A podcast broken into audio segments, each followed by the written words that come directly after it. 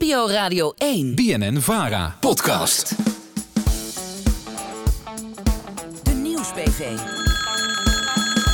De vraag Aan Den Haag. In deze rubriek gaat de politieke redactie van de Nieuwsbv op zoek naar de antwoorden op jouw vragen. En wij kregen een vraag binnen: wat doet een medewerker van een Kamerlid eigenlijk? Om daar een antwoord op te vinden ben ik op zoek gegaan naar een leuke medewerker. En eh, nou, terwijl ik door de wandelgangen aan het struinen was, eh, kwam ik Simon Fritsie tegen.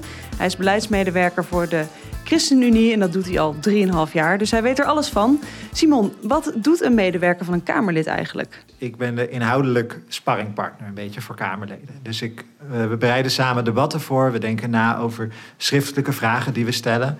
En Kamerlid heeft de taak om de regering te controleren. Dus we, we, ik lees, we lezen ook brieven. En dan vallen, mij dingen op, dan vallen een Kamerlid dingen op. En dan uh, nou, denk je met elkaar na, oké, wat gaan we vervolgens in het debat vragen? Maar wat je ook doet, is het. Uh, ik ga ook mee met Kamerleden op werkbezoeken. Ik heb contact met maatschappelijke organisaties. Uh, en ik denk ook na als we voor voorstellen die we voor de wat langere termijn willen doen. En ben jij als beleidsmedewerker gekoppeld aan een Kamerlid of ben jij meer gekoppeld aan een thema?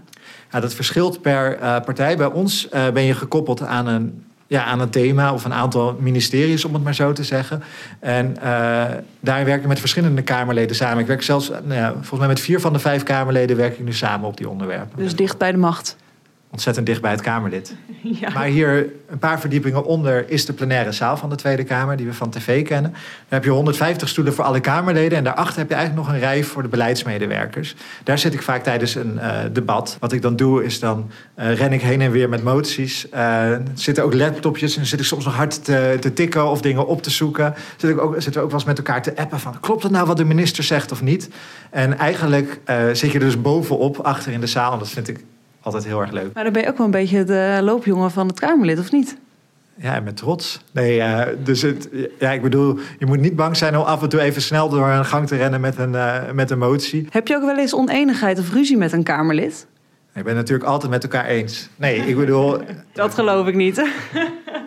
nee, je bent het niet altijd met elkaar, met, met elkaar eens. Uh, en dat is denk ik ook heel, uh, heel gezond.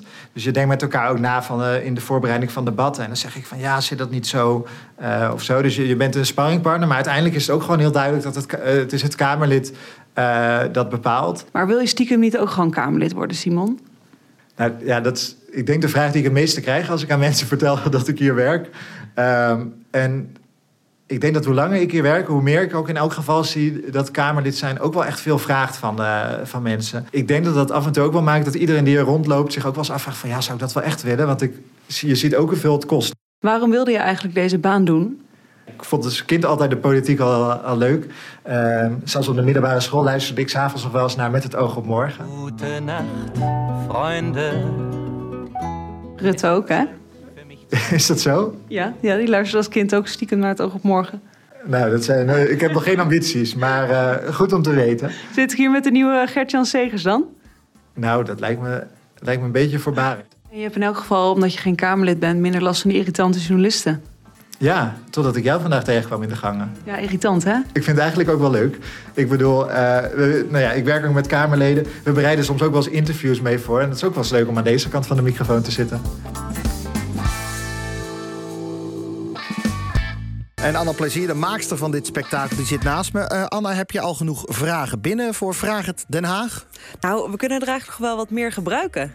Oh, serieus? Ja, ja dus uh, als de luisteraars nog meer vragen hebben die wij kunnen gaan uitzoeken in Den Haag, dan kunnen ze mailen naar de